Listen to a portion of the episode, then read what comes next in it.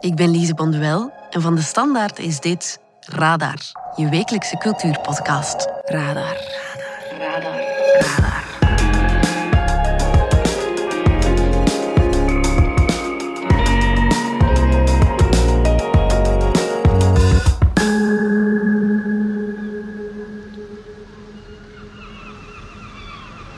Hoor je dat? We zitten aan de zee. Maar voordat je denkt dat we je op onze luie kont jaloers willen maken van op een vakantiebestemming... We zitten hier met een reden. In Oostende.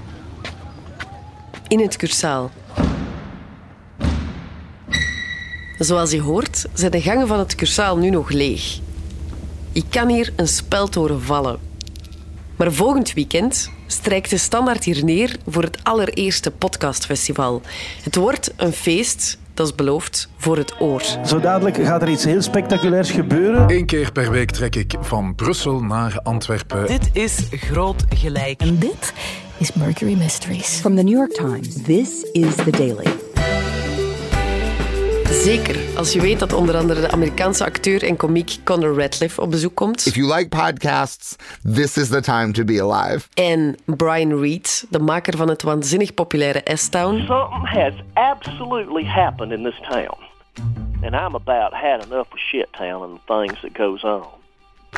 Mijn podcasthelden van Schik. Goede verhalende podcasts doen meer dan dat. Die raken je emoties, die uh, geven je inzichten, zetten aan tot zelfreflectie ja, het is zoveel meer. Andries Bekkers, a.k.a. de vriendschappelijke wederhelft van Alex Agnew. Wij kunnen heel hard en, en, en heel uh, lawaaierig doen en heel dingen over oppervlakkige dingen, maar je leert ook wel wanneer dat je je mond moet houden. En podcastheldin Eva Moeraert. Op de fiets, in de auto, op de trein. Ja, ik, ik eigenlijk... Als ik niet met mensen aan het praten ben, dan zitten mijn oortjes in en dan luister ik naar podcast. Ja. Het komende half uur warmen zij je op voor het podcastfestival en maak je FOMO wellicht alleen nog maar groter. Dus tot in Oostende. Santé, gezond zijn. Welkom bij Radar. Radar. Radar. Radar.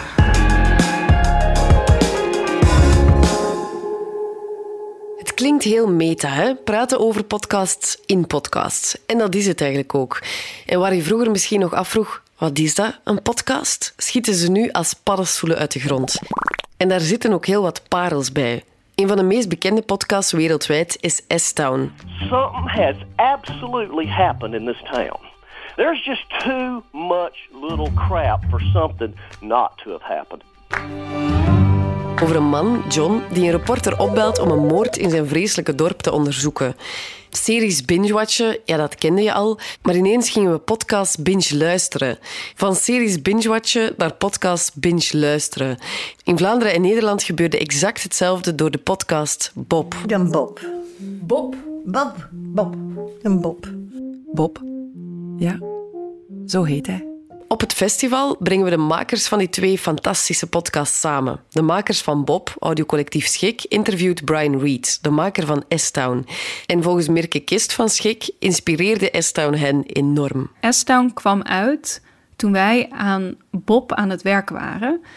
En wij huurden toen ook een soort van anti-kraak kantoortje in Antwerpen. En uh, ik weet bijvoorbeeld zelf nog dat ik daar dus veel zat en dan heel veel luisterde naar Estau, naar die afleveringen. Opnieuw en opnieuw en opnieuw, vaak gewoon kleine stukjes. Om echt ook te luisteren en te begrijpen van wat doet hij? Wat doet Brian Reed en waarom werkt dit zo goed? Uh, iets wat Brian Reed bijvoorbeeld in S-Town best wel af en toe eens doet, is... Ja, ik noem dat dan maar vooruitblikkende spanning. Ik weet niet hoe je het moet noemen, maar hij zegt dan zoiets als van... Um, uh, en, waar ik, en waar ik allemaal nog achter zou komen, dat kon ik mij toen nog niet bedenken. Tum, tum, tum. En dat zit dan vaak zo aan het begin van een aflevering en dat werkt heel goed. Dat is een soort van bijna cliffhangertje, maar vaak in het begin of in het midden van een aflevering. Uh, en het zijn dat soort ja, dingen die ik ook echt van hem heb geleerd door te luisteren. En uiteraard vindt ze het dan ook spannend om Brian Reed op het festival te ontmoeten en hem te interviewen. Ja, dat is dan zo iemand die, waar je dan veel naar hebt geluisterd. En ik ben dus nu ook zijn nieuwe serie aan het luisteren. Ja, ik ben ook wel benieuwd naar wat voor soort man is dat. Ik ga het meemaken. Tum, tum, tum. Nu, Bob zorgde in Nederland en België ook voor een keerpunt. De reeks is al meer dan hou je vast, 1,7 miljoen keer beluisterd. Dat is echt belachelijk veel. Schik won er ook prijzen mee en toch hadden ze dat succes totaal niet verwacht. Nee, nee. Toen wij dat gingen maken, waren wij net afgestudeerd van uh, woordkunst, alle drie. We zaten in dezelfde klas. En uh, ja, wij zijn dat gewoon gaan maken. Zoals ik zei, met z'n drieën in dat anti-kraakkantoortje, niet wetende of iemand ja, daar dan ooit naar zou gaan luisteren of, of, hoeveel mensen dat zouden zijn.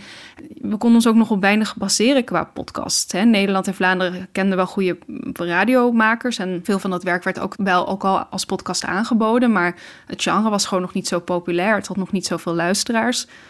Dus dat was echt een beetje een sprong in het diepe.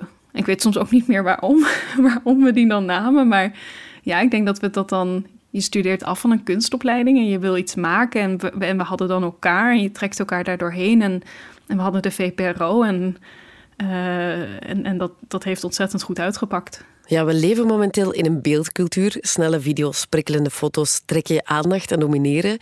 En toch zijn podcasts zo populair. Onlogisch? Mirke vindt van niet. Ja, ik denk dat ook net zit in die vertraging en in in soms misschien ook net een moeheid van die beeldcultuur.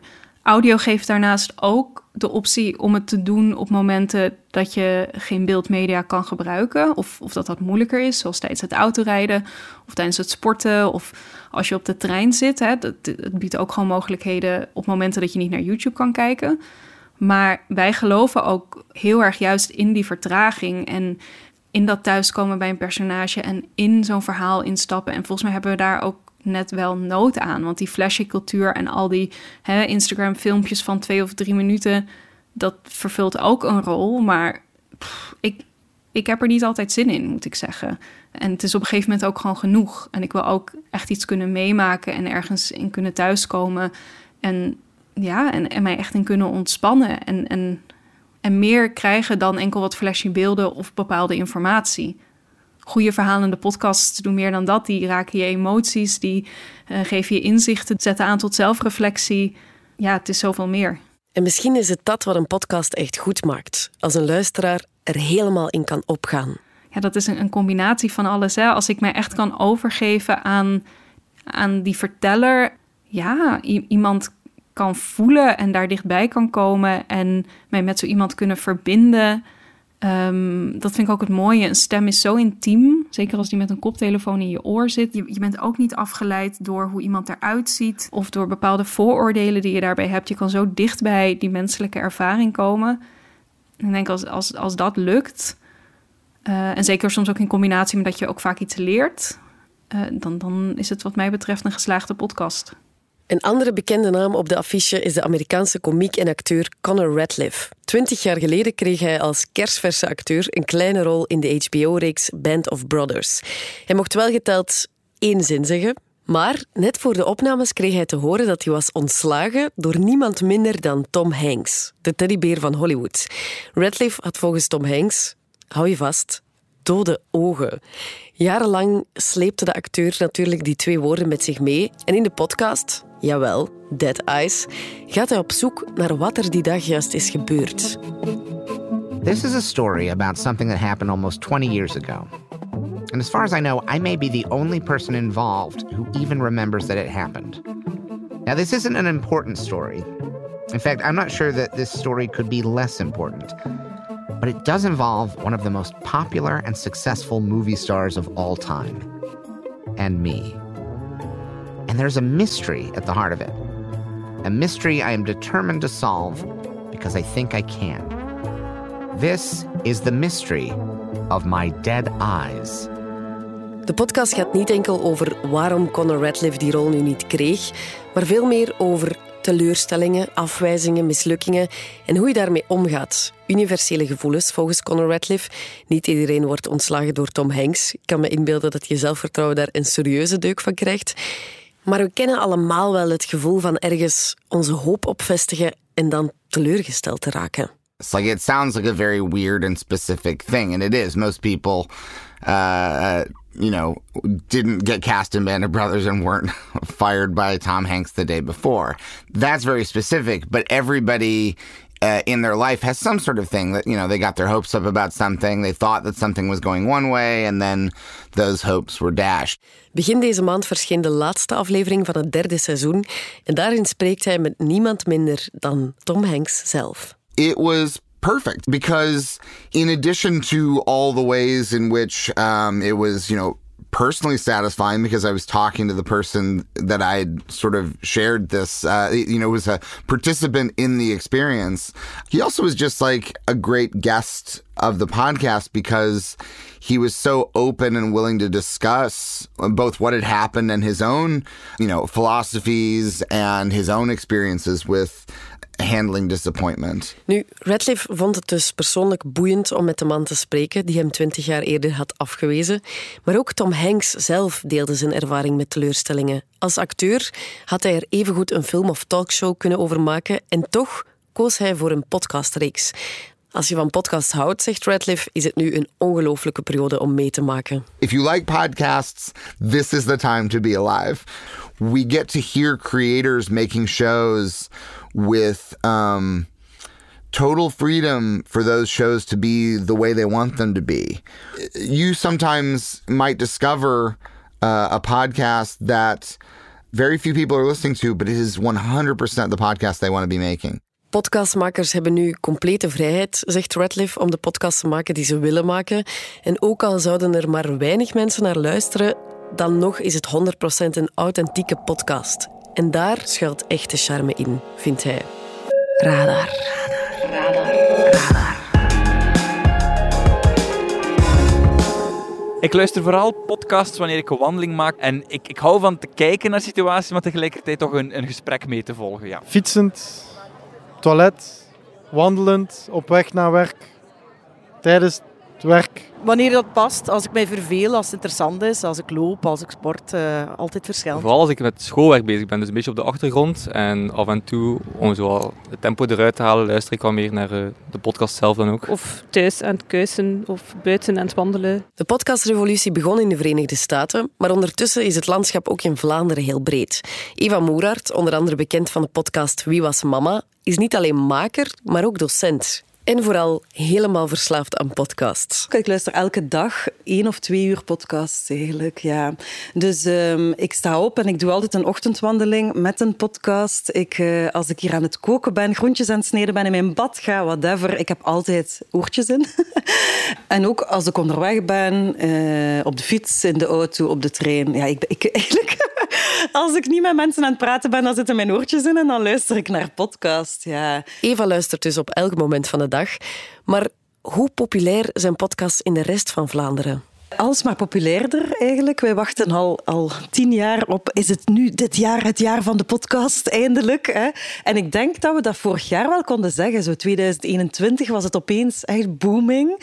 Ik denk volgens de cijfers, de laatste cijfers die ik gezien heb, is een derde van de Vlamingen luistert podcast. En één op twee jongeren. Dus het is vooral de jongeren die dat medium ook heel hard aan, aan het ontdekken zijn. Hè. Dus ik merk ook, vroeger stelde iedereen mij de vraag: Eva, wat, wat, is dat nu eigenlijk een podcast en hoe moet ik dat luisteren? En nu stelt iedereen mij de vraag: welke podcast moet ik luisteren? Dus de Vlaming heeft het wel ontdekt hè, de afgelopen jaren. En misschien heeft corona daar wel wat mee te maken. We waren allemaal wat meer aan het wandelen, aan het fietsen, wat meer thuis, de strijk aan het doen.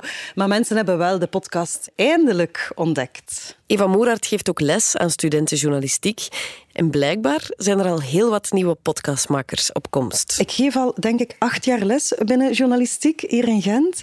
En in het begin was er een radioklas en die was echt negen mannen en vrouwen zaten daarin. En dan was er een heel grote videogroep en een heel grote printgroep. En ik heb dat in die acht jaar helemaal zien veranderen. Nu heb ik twee klassen van dertig studenten audio. Hè. Dus niet meer radio, maar audio geworden, audio en podcast. Het is lang video geweest, maar nu hebben we toch de video's voorbijgestoken. um, en ik heb nu zelf dus een, een postgraduaat opgericht, hè, postgraduaat podcasting, waar dus heel veel mensen op afkomen. En dat zijn vooral mensen die al een carrière hebben in de journalistiek en de communicatie. Maar daar zitten even acteurs, regisseurs die een carrière switch willen doen en die freelance podcasts willen maken. Dus je voelt, er is vraag in de markt. Elke organisatie wil een podcast maken. En dan zijn de opleidingen er ook natuurlijk. Ook elke Vlaamse krant maakt ondertussen podcasts. We staan aan de koffieautomaat op de redactie van De Standaard in Brussel. Hoofdredacteur Karel Verhoeven staat bij mij. In 2018 sprong de Standaard op de kar met als eerste podcast Bits en Atomen, die trouwens nog altijd loopt. En sinds 2019 is de Standaard de eerste en enige Vlaamse krant die de dagelijkse actualiteit ook in een podcast giet. De Standaard is dus uitgebreid van een schrijfwinkel naar een podcastwinkel. Maar hoe past een podcast samen met een krant en voornamelijk schrijvende journalisten? Het is ehm, het meest logische verlengstuk in andere media dat je je kunt voorstellen. Podcast gaat over vertellen en dat is wat journalisten doen. En dus komt het eigenlijk van nature om naar achter de microfoon te gaan zitten en je verhaal te doen. En dat toch met nog meer emotie te doen dan je in de krant doet. Met meer menselijkheid vaak. Met ook wel sterkere analytische kracht. Want dat is ook de grote sterkte van podcast. Je bent er beter in als verteller vaak. Je slaagt er beter in om je emoties erin te leggen. Je slaagt er ook beter in om inzicht over te brengen aan de lezer. Omdat je, ja, de, de afstand tot je lezer is, is korter in podcast. Je komt rechtstreeks via dat oor binnen. En dat is een ongelooflijk ding. Hè? via het oor kom je zo bij het hart van je lezer. En ja, ik, ik denk eh, dat dat te maken heeft met die oude, heel al oude menselijke wens om rond het haardvuur te gaan zitten en te luisteren naar elkaar. De luisteraar is persoonlijker betrokken bij de verteller dan de lezer bij de schrijver. Je hoort intonatie, de stem, de persoonlijkheid, de emotie waarmee ze erin stonden. Achter de microfoon van een podcast wordt duidelijk dat de journalist ook een mens is. En nu organiseert de krant dus voor het eerst een podcastfestival. Volgens de standaard een logische volgende stap. Zelf ervaar ik podcast als de opwindendste en ook wel belangrijkste journalistieke innovatie van de voorbije tien jaar. We zijn dat nog aan het uitvinden, hoe we podcasts maken. En daar hangt een avonturiersgeest rond. En als grote krant, als belangrijke krant, willen we dat heel hard ondersteunen. Omdat we met z'n allen zelf de stil aan het uitvinden zijn, willen we makers bij elkaar brengen. Eerst en vooral op vrijdag. En op zaterdag het grote publiek bij de makers brengen. Precies omdat podcast jou doet verlangen, omdat je de, de, de, de pen achter het papier wordt bij podcast een stem die vertelt. En je verlangt nog meer om de stem te ontmoeten dan je de pen van papier uh, graag wil ontmoeten. Dus die band tussen luisteraar en verteller, schrijver, verhalenverteller is vrij sterk. En dat voelen we ook in het enthousiasme dat het uh, podcastfestival opwekt. En het heeft me verrast dat die hele grote podcastmakers ook allemaal komen. Die zijn allemaal op de uitnodiging gegaan en toen we het podcastfestival moesten uitstellen, dan hebben die mee uitgesteld. Er is geen enkel die heeft afgehaakt. En dat is toch wel verrassend. En dat geeft ook de nood aan die podcastmakers voelen om elkaar te ontmoeten. En dan zijn er nog de oorkondes natuurlijk. Heel belangrijk, een manier om het beste wat we maken te ondersteunen, om daar ook de mensen in de bloemetjes te zetten die de topkwaliteit leveren. Op het podcastfestival modereert Karel Verhoeven een panelgesprek met de makers van The Daily, een actualiteitspodcast van de New York Times met maar liefst 2 miljoen downloads per dag. En ik kan het al vermoeden, is The Daily het grote voorbeeld waar we onze mosterd haalden voor de dagelijkse podcast DS vandaag? Zeker waar we naar opkijken en wat als voorbeeld gebruiken. Ik denk voor elk medium, voor elke krant die een dagelijkse nieuwspodcast maakt, is de Daily ofwel een referentiepunt ofwel een inspiratiebron. En voor ons is het zeer zeker een inspiratiebron. Zij openden de ogen voor wat er mogelijk is als je uh, met journalisten in de studio een goed verhaal probeert te vertellen over de actualiteit. En dat journalisten in de studio een goed verhaal kunnen vertellen. En dat dat beklijvend is, interessant is en inzicht geeft. En dat dat aan de nieuwsbehoefte van zoveel mensen voldoet, dat is wel een, een fantastisch inzicht dat zij hebben meegegeven. En ook hoe je dat moet produceren en vanzelfsprekend, zoals uh, we zitten daar rond de tafel met uh, mensen van, uh, van NRC, de makers van de Journal, de bedenkers van de Journal van de Wall Street Journal, van de BBC en van de New York Times en van de Standard. Dus fantastisch gezelschap. Radar. Radar. Radar. Radar. Maar podcasts zijn ook entertainment. Er bestaan ongelooflijk veel fictie, audioverhalen en comedy-podcasts. Ook zij krijgen tijdens het podcastfestival in Oostende aandacht. Ze prikkelen je verbeelding en laten je ontsnappen uit de dagelijkse realiteit. Eva Moeraert maakt normaal non-fictie-podcasts, maar na twintig jaar breidt ze nu een vervolg aan een verhaal die ze ooit maakte als student. Radio en audio, dat zet je verbeelding in, in gang.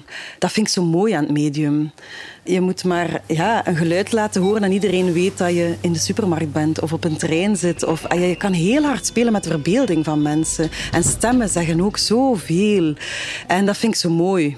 En ik wil dat precies constant ook bewijzen aan de mensen. Van, je hebt dat beeld niet nodig. Hè? Ik kan dat verhaal ook maken enkel met audio.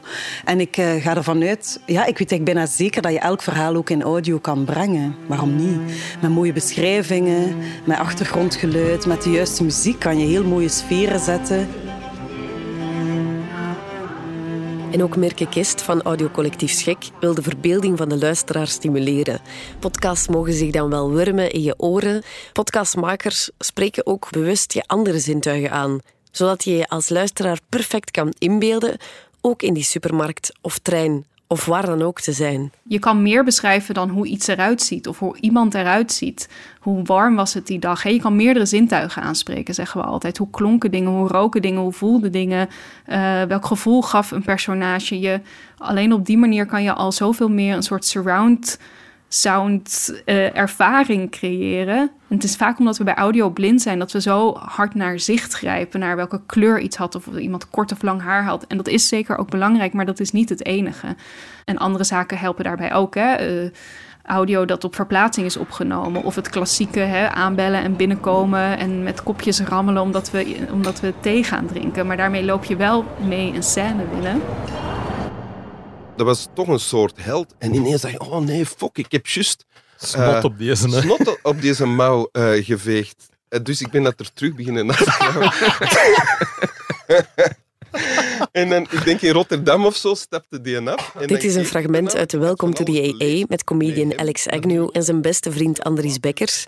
Al vier jaar lang laten zij elke week bekende en minder bekende gasten aanschuiven om het te hebben over hun leven. Serieuze onderwerpen, maar ook humor, een lach en een traan. En zo balanceert de podcast op de lijn tussen entertainment en diepgang. Ik denk dat we toch misschien iets meer naar entertainment aan het neigen zijn geweest en dat we eigenlijk gaandeweg ook uh, heel wat andere gasten hebben gekregen en heel hard onze horizons verbreed hebben, waardoor dat we ook uh, ja, soms bijna heel relevante dingen gedaan hebben. Ik denk dat we wel het soort interviews hebben proberen te doen die we zelf ook leuk zouden gevonden hebben.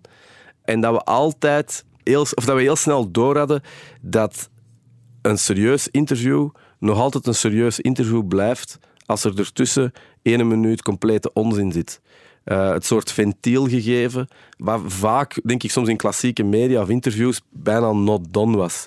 En dat maakt het vooral ook onvoorspelbaar. En ik denk dat luisteren dat ook altijd wel leuk vond. Het kon alle kanten uit. Het is zo heel snel met de wagen rijden en net niet uit een bocht vliegen. En soms gaan ze heel ver in die humor. Zoals die keer toen comedian Lucas Lely aanschoof. Ja, er is het uiteindelijk twee à drie uur over koeken gegaan. En uh, we hebben toen echt drie uur lang over koeken gepraat. En bijna op uh, pseudo-wetenschappelijk niveau. En natuurlijk pure satire, drie uur lang over koeken. En dat was een fantastisch moment. En eerlijk, ik kan nu zeggen van dat ik toen schrik had dat dat niet ging aanslagen of zo. Maar eigenlijk wist ik het al. En dat is een van onze meest favoriete en geliefde afleveringen. Eh, omdat iedereen toen zijn dieet on hold gezet heeft en al die koeken is beginnen uitproberen. En dan voelde een soort community en dan voelde ook enorm veel reacties die binnenkomen, omdat dat vaak ook uh, is wat mensen nodig hebben. Een soort escapisme. Wat hij nu zegt, dat, daar komt die agressie vandaan. Hè? Ah, ja. Van, ah, je hebt dinosauruskoeken zonder chocolade. Waarom? Waarom neemde jij dat? Dat slaat oh, nergens op. Oh, jij, wordt, jij wordt al recht kwaad ja, ja, ik, ja. Was dat daarom dat je ook dat koken met Lucas, dat je dan zo die chocoladesaus er hebt opgedaan? Ja, ja. eigenlijk is dat een, eh, het recept van als je dat per ongeluk koopt, dat je er toch nog chocolade op kunt doen. Door gewoon chocolade te smelten en erop te smeren. Eigenlijk. Dat is het concept van die aflevering. Dat, was, uh... dat gaat inderdaad wel heel ver bij u dan uh, dat denken over. Maar gaat dat toch ook, man? Niets is wat het lijkt. Humor is hun saus, maar in essentie zijn de gesprekken een pak diepgaander. Ja, met plezier. En ik ga ook niet onnozel doen. Wij weten ook wel wat wij soms ook betekenen voor mensen, want dat is ook zo wat je aan berichten binnenkrijgt hebben ook afleveringen gehad waar het over autisme gaat, over zelfmoord. Wij weten dat heel goed wat dat betekent. En we hebben zeker in de lockdown ongelooflijk hartverscheurende berichten gekregen van mensen die zeiden van ja, uh, die maandag was vaak het enige waar ik naar uitkeek. Wij kunnen heel hard en, en, heel uh, lawaaierig doen en heel dingen over oppervlakkige dingen, maar je leert ook wel wanneer dat je je mond moet houden. Maar we zijn er vooral ook ja, op een of andere manier ja, wijzer of zo door geworden. Omdat je echt veel leert van, van die mensen. En dat is wel echt een enorm voorrecht om hier uh, ja, de knapste koppen te krijgen. Zowel op academisch niveau als op creatief niveau. En ja, daarom dat je het eigenlijk ook met veel plezier elke week doet. Radar. Radar. Radar. Radar.